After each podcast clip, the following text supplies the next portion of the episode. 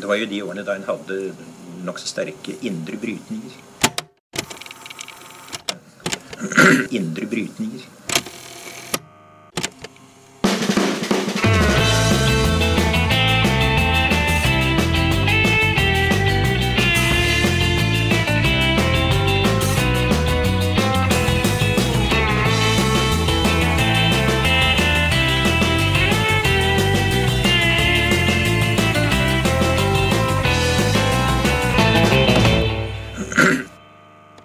Velkommen til eh, Noen har snakket sammen. Mitt navn er Aksel Fjelldavli. Og jeg heter Tiril Rustam Halvorsen. Denne gangen her så skal vi snakke om eh, jordbruksoppgjøret, intet mindre.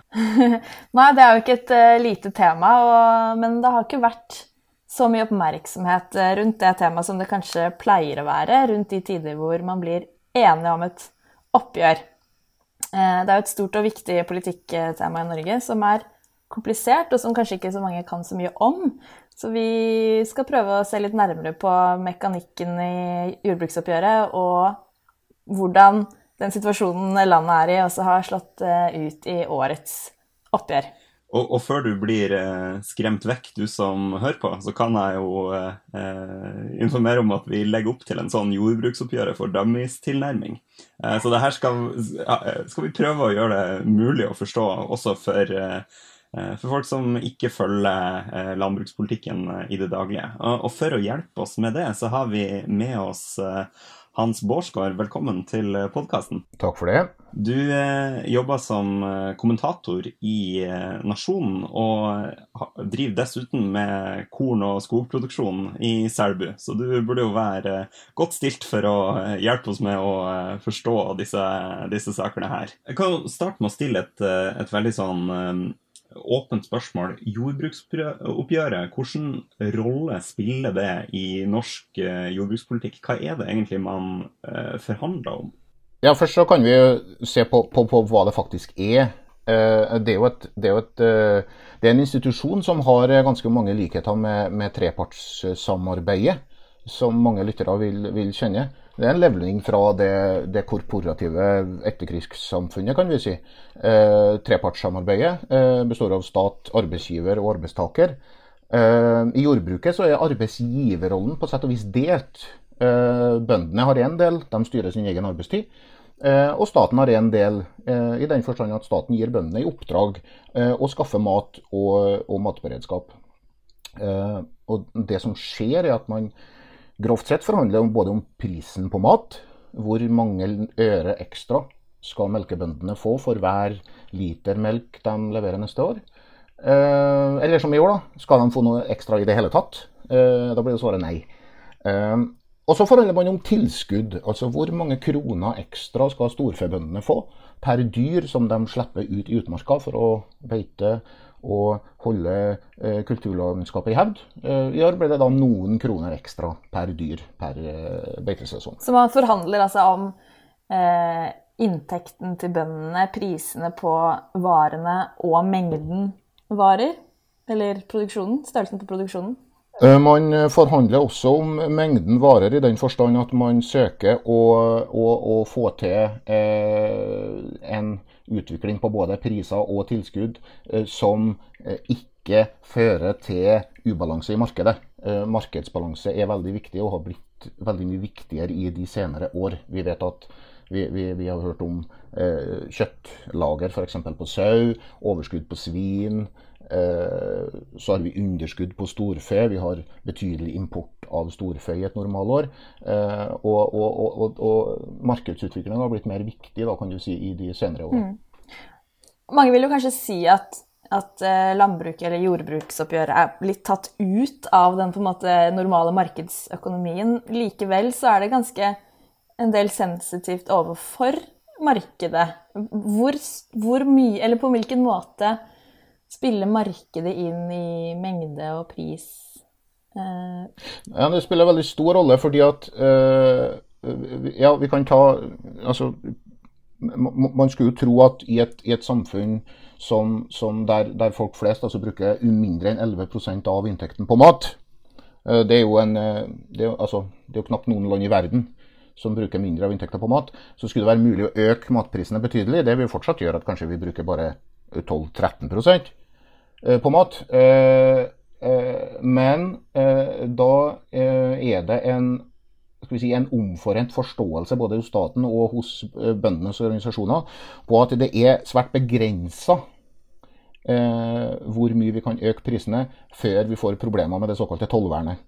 Um, og det er fordi uh, Nå skal vi ikke være for komplisert, men det er fordi at uh, hvis vi øker prisene mye her hjemme, så kan det bli lønnsomt for uh, Reitan og Johansson og matgigantene å importere mat, betale tollen på Svinesund og fortsatt selge den maten billigere enn den maten som norske bønder produserer. og det er et, si, et, det er et, det er et fremherskende syn da, i, på begge sider av forhandlingsbordet om at det tollvernet det er ikke så veldig godt. Det er ganske begrensa, og derfor må vi passe på så vi ikke øker matprisene for mye i Norge. Eh, og det som skjer da, er selvsagt at inntektsutvikling blir enda mer avhengig av statlige subsidier. Hvilke litt sånn overordnede politiske mål er det man har satt for eh, landbruk og jordbruk i, i Norge? Ja, Det er et godt spørsmål. fordi at Overordna mål eh, på det området her eh, er, er, veldig politisk, veldig ideologisk. Eh, og så har det en tendens til å krasje med de aktuelle virkemidlene man faktisk setter inn. Det er jo sånn at Man har et stortingsvedtak på at vi skal øke matproduksjonen med, med altså jevnlig, altså med jeg tror det var 20 før, før 2030. At, altså at matproduksjonen skal øke i, i, i takt med folketallsutviklinga. Uh, og for å få til det, så er man jo per i dag eh, avhengig både av å eh, importere en skal vi si, stadig økende del av kraftfôret fra utlandet. Det blir da på magisk vis til norsk når det, når det, når det havner i Norge. Og, og, og, og, man ser da bort ifra at man importerer stadig mer. Eh, og at man gjennom det da, eh, skaper en, en, eh, en, en kunstig høy selvforsyningsgrad. Da. Så matsikkerhet er et, eller selvforsyningsgrad er et stikkord, men det er absolutt et stikkord, men, men, man er i praksis da villig til å akseptere en selvforsyningsgrad på landbruksprodukter som også målt i verdensmålestokk er veldig, veldig lav. Vi har veldig, veldig lav selvforsyning i Norge. Det skyldes selvsagt både at, vi, at, det er en god del produkter som vi i dag spiser, som vi ikke har klimatiske forutsetninger for å produsere her. Eh, men det skyldes også at vi, at vi har et eh, jordbruk som, som, eh, som, vi vet da, går den veien at det, det, tar stadig mindre av Norge i bruk. Jordbruksareal gror igjen, jordbruksareal blir tatt ut av drift. Og så kompenserer vi det da gjennom å øke importen fra utlandet. Hvis vi tar for oss eh, prosessen i, i, jordbruksoppgjøret, så eh, ser jeg for meg eh, liksom den parallellen mell mellom eh, partsforhandlingene i arbeidslivet og jordbruksforhandlingene. Så har man også et, et slags sånn faktagrunnlag man forhandler ut fra. Eh, og så møtes partene og diskuterer, så kommer man til en enighet. Altså, Normal prosedyre ligner mye på lønnsoppgjøret i et, eh, si, et hovedoppgjørsår. Altså, først blir man enige om hvor man står. Eh, I landbruket så skjer det gjennom budsjettnemnda for jordbruket. Eh, her sitter både staten og bøndene. Og så, og så tar man inn regnskap fra ulike produksjoner. Altså hvordan ser regnskapet til sauebønder ut i år kontra i fjor? Eh, til melkebønder, til ammekubøndene. Og så blir man enig om tallgrunnlaget. Og så utveksler man da sine bekymringer over betalingsevne da, fra staten, og, og arbeids- og produksjonsevne fra, fra arbeiderne eller bøndenes side. da. Eh, på vanlig måte. Så kommer et krav eh, fra bøndene, så kommer et tilbud fra staten. Eh, så går man i forhandlinger, man lekker sine signaler og prater via sine bakkanaler, før man eventuelt da signerer eller går i brudd. Så skjer jo det som er spesielt i forhold til, til lønnsoppgjørene, at, altså ordinære lønnsoppgjør, nemlig at jordbruksavtalen den skal godkjennes i Stortinget. Det er som regel rutine. Eh, det er en oppfatning eh, både hos bønder og politikere som, ja, som man kan problematisere. Eh, at dersom Stortinget griper inn i avtalen, som da departementet og bøndene framforhandla, så, så, setter man forhandlingsinstituttet i fare på noe vis. Det vi vet, er at i hvert fall et par ganger så har Stortinget sendt partene tilbake til forhandlingsbordet.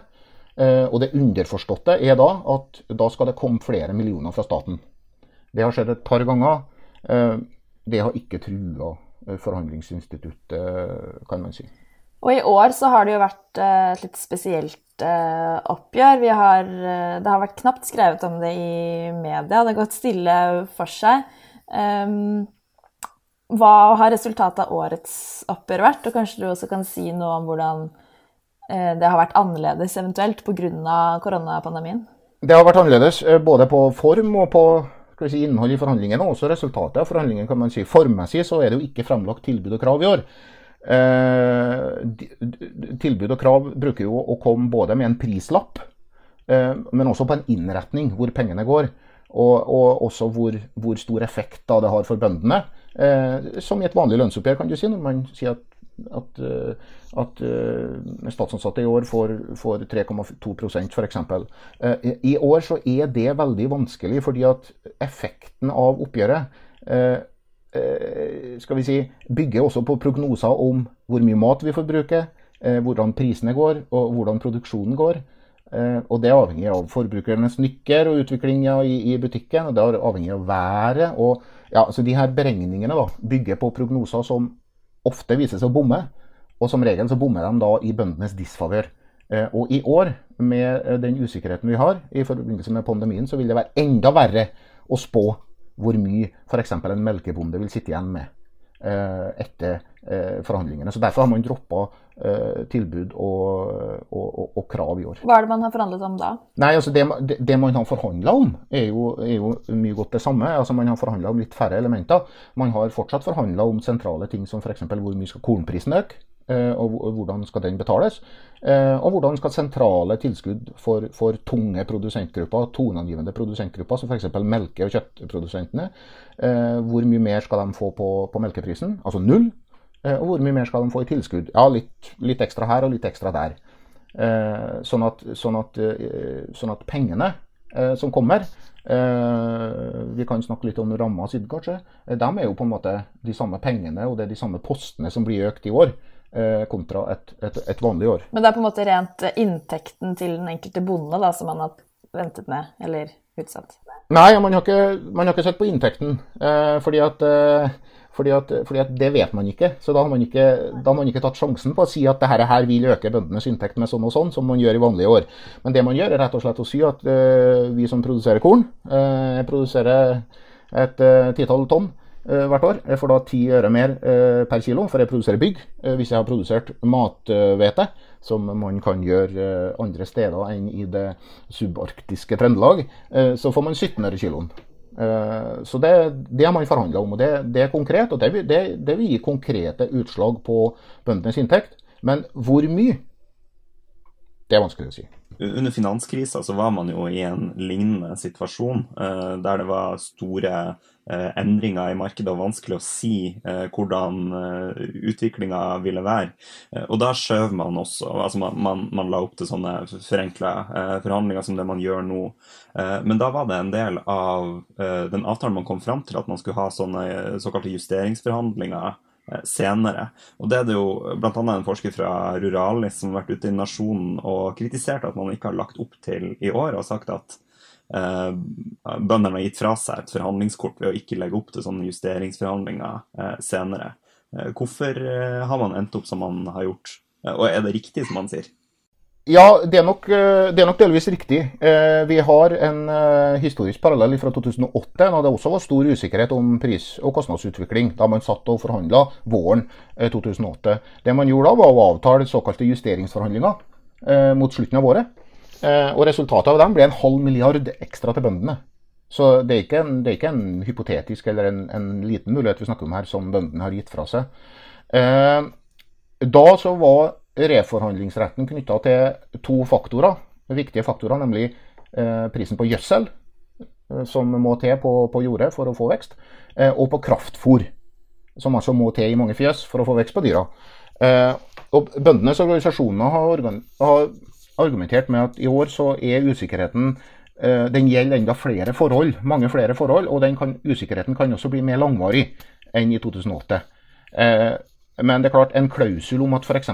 neste vår, ved neste ordinære oppgjør, så skal sviktende forutsetninger i år kompenseres direkte. Det kunne man ha lagt inn.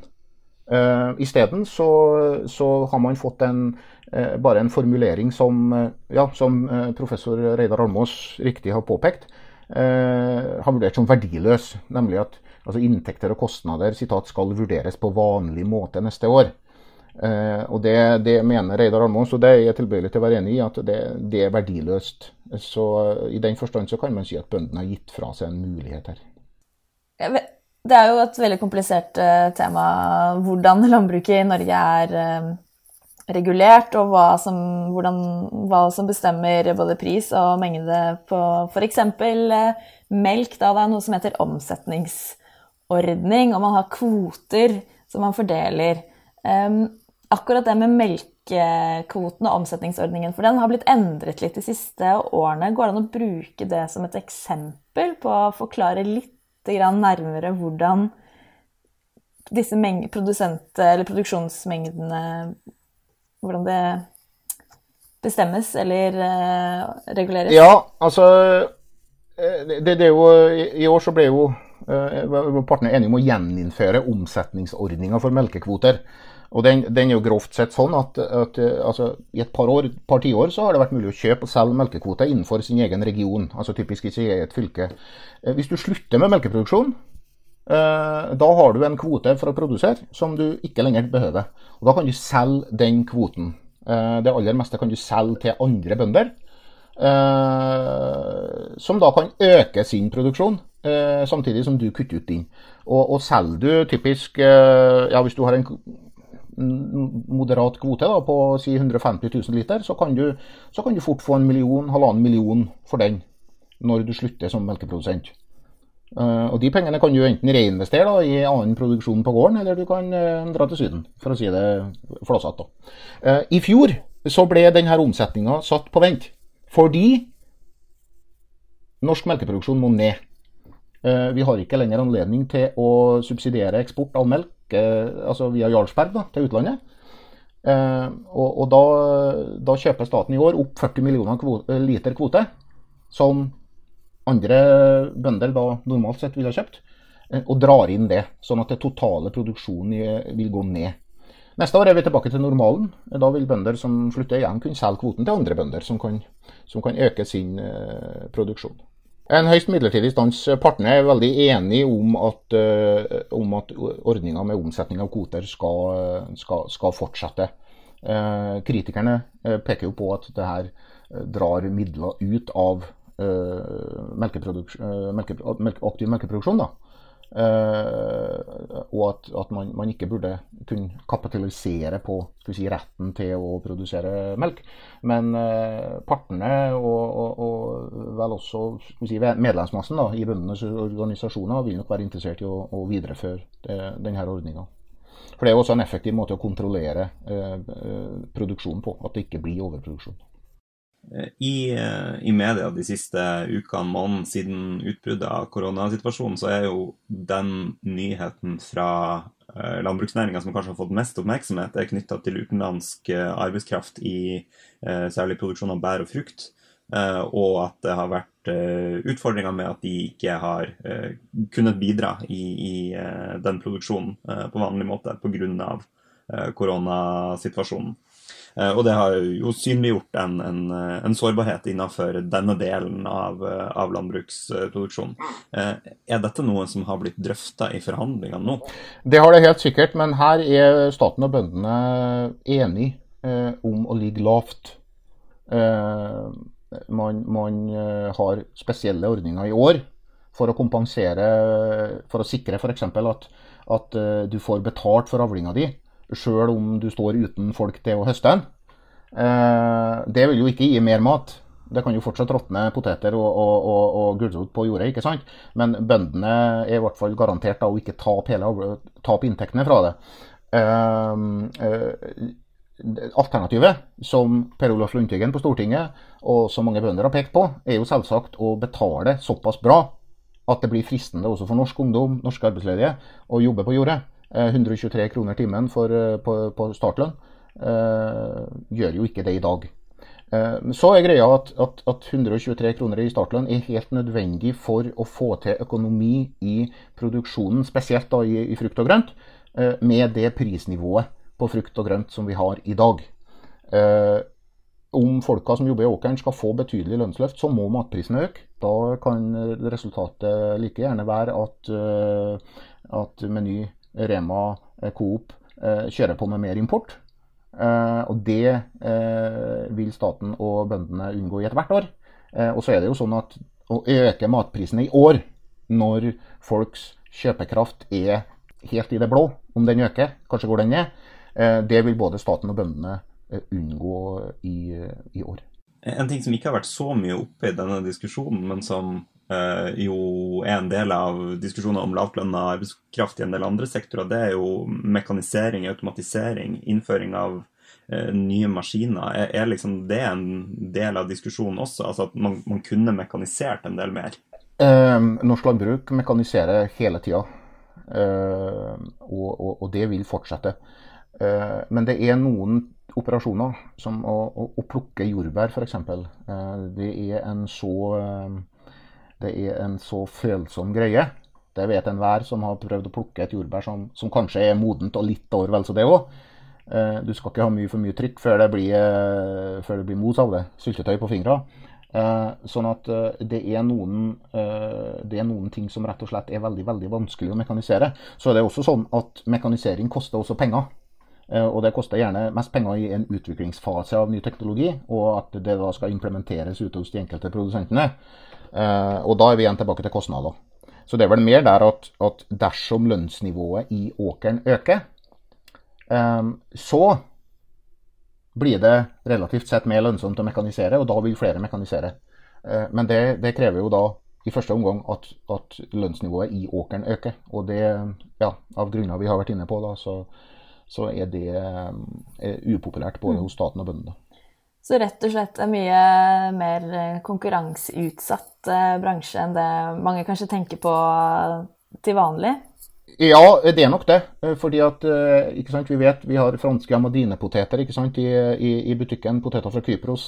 Eh, tomater fra eh, de her plastørknene i Andalusia og, og Murcia.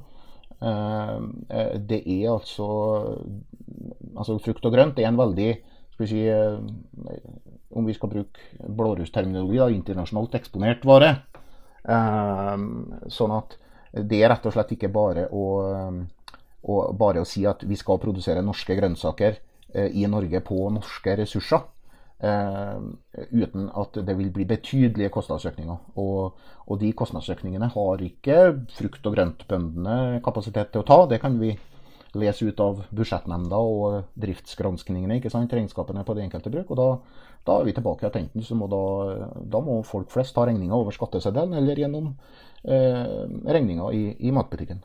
Det har det, for det kan jo da i på en måte verste tilfelle bli da norske jordbær som råtner eh, gjennom eh, sommeren på ha, ha, Det har vært diskutert eh, å hente inn og sette i karantene en slags luftbro for østeuropeisk, særlig kanskje, arbeidskraft. Er det noe man har gått helt bort fra, eller tenkes det fortsatt i de baner?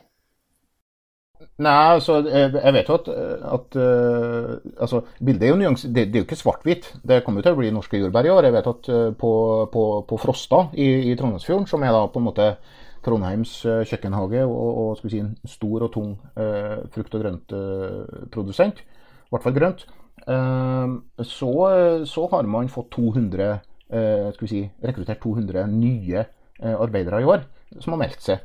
Eh, men poenget er at det, altså på Frosta er ikke det nok, eh, for det første. Og, og, eller det er ikke nok. Og, og, så er det sånn at eh, selv om vi, selv om vi oppretter en luftbro, så, så, så, så vil folk fortsatt måtte sitte i karantene. hvem skal betale for det de 14 dagene? Hvem skal betale for flyet? og så er situasjonen også at det er mindre attraktivt for utlendinger å komme til Norge, av to årsaker. Eh, den ene er at, at de fleste land i Øst-Europa og Asia som, som, eh, som, bruker å sende arbeidskraft til Norge, de eh, er oppfordra av sine lands myndigheter til å holde seg hjemme. Og For det andre så er krona ekstremt svak i forhold til tidligere år.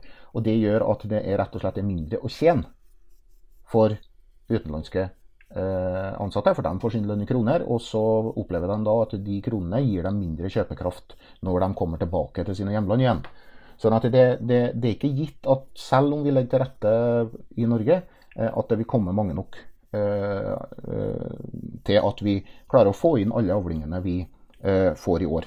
Og Derfor er det jo også interessant å se nå når våronna etter hvert begynner å bli ferdig, hvor mange frukt- og grøntprodusenter som har rett og slett har droppa Eh, si, løken, purra, potetene. Eh, ja, du kan stryke potetene, det, den er ganske mekanisert. Men løk, purre, andre grønnsaker og frukt. Og rett og slett satse på korn.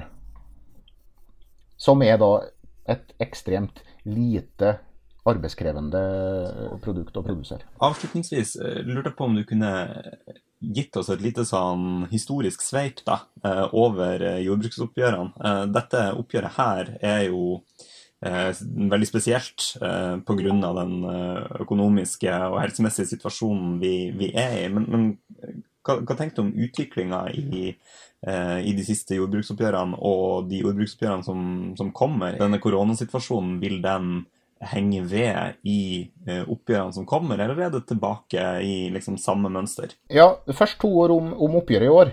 Eh, vi har en eh, ramme på ja, drøyt 600 millioner kroner. halvparten cirka, altså grovt sett kommer fra, fra, statsbudsjettet, og halvparten kommer fra forbrukerne. Det blir altså mellom 50 og 100 kroner i året dyrere mat per forbruker neste år. det tilsvarer Det er ganske likt det oppgjøret som var i 2017. Da var bøndene ganske misfornøyd med oppgjøret. Eh, og det var fordi at i 2017 så fikk andre grupper ganske bra lønnsøkning. Sånn at i 2017 så beregna bøndene at de måtte ha innpå 800 millioner kroner for ikke å sakke akterut i forhold til andre grupper. Eh, derfor er jeg misfornøyd. I år så ligger bøndene til å få omtrent det samme. Eh, det er mulig å si at oppgjøret i år er relativt sett ganske mye bedre enn i 2017. Og det er fordi at andre grupper ligger an til nullvekst. Eh, det kan til og med bli redusert vekst eh, i år og neste år. Og da, da kan bøndene på en måte tette det avstanden i kroner da, mellom en vanlig, vanlig, inntekt for bønder og si, vanlig industriarbeider, vanlig nordmann, selv med ganske lite, eller et moderat jordbruksoppgjør. Da. Sånn at det vi vet ikke, som, som vi har snakka om, det er mye usikkerhet, men det kan hende at årets oppgjør for bøndene viser seg å være ganske bra når det gjelder avstand til andre grupper. Så til åra framover. Jeg tror at det er, altså det er to trender som, eh, som, som vil komme. Eh, for det første så vil bøndene bli mer og mer avhengig tror jeg, av staten for inntektsvekst. Nettopp fordi at muligheten til å ta ut på pris eh, er begrensa pga. at da kan det bli mer lønnsomt å importere maten.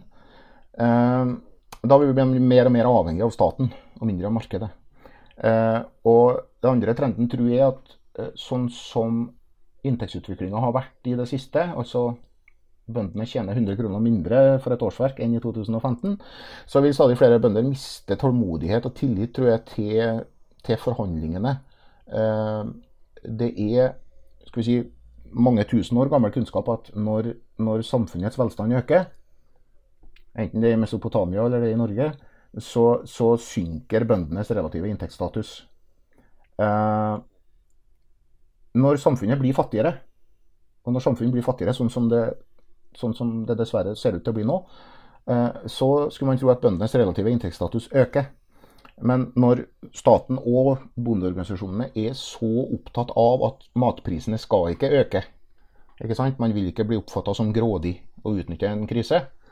Eh, at man lar være da, å bruke denne anledninga til å si, øke bøndenes inntekt og inntektsstatus, så, så, tror jeg mange spør seg hvis ikke nå, hvis ikke i disse dager, når skal vi da få økt status? Eh, og, og, og, og der, derfor så tror jeg også det vil bli press på, på tollvernet. Flere vil, vil spørre seg kan vi virkelig øke, øke prisene i Norge. Er det så sikkert at vi da automatisk vil få økt import? En god del aktører i jordbruket, aktive bønder og folk i organisasjonene, har trua på at det lar seg gjøre å øke målprisene, matprisene mer enn hva staten og bøndenes organisasjoner sier. Eh, og eh, uansett uh, så er det jo et spørsmål om man ikke skal om det ikke kommer et krav på å øke tollvernet. Husk på at tollsatsene i prosent og i kroner, som, som vi er underlagt i dag gjennom, gjennom, gjennom altså EØS, WTO-ramma, de ble satt for 30 år siden. Og, og, mange mener at vi også kan, kan øke tollvernet i Norge. Eh, øke tollsatsene. Og da vil det selvsagt være rom for å øke eh, matprisene.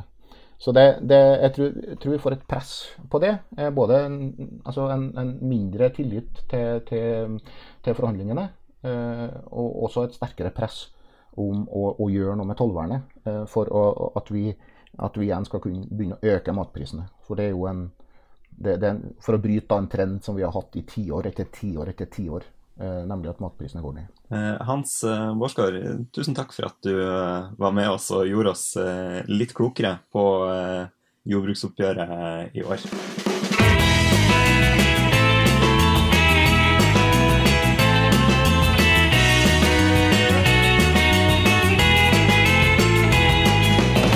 Da har vi kommet til slutten av denne ukens episode, og vi må anbefale noe, som alltid. Hva har du på lur eh, denne gangen her?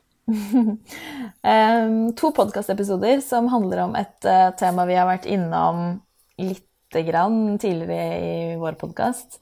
Uh, blant annet når Kjersti Haugland var og snakket om renter og hvorfor de var så lave, nemlig Modern Monetary Theory. Project, Project, Syndicate har en podkast som, som, heter Opinion Has It Eh, og Der er det en episode fra 10.9. og en fra 7.4 som tar for seg dette fenomenet modern monetary theory. Så hvis du har lyst til å lære litt mer om, om det, så anbefaler jeg de to episodene. Og du da, Aksel? Jo, dette er jo noe sikkert mange allerede har fått med seg, men hvis ikke, så uh, you're in for a treat. Uh, det, det, er jo uh, denne legenden Herbjørn Hansson som er Eh,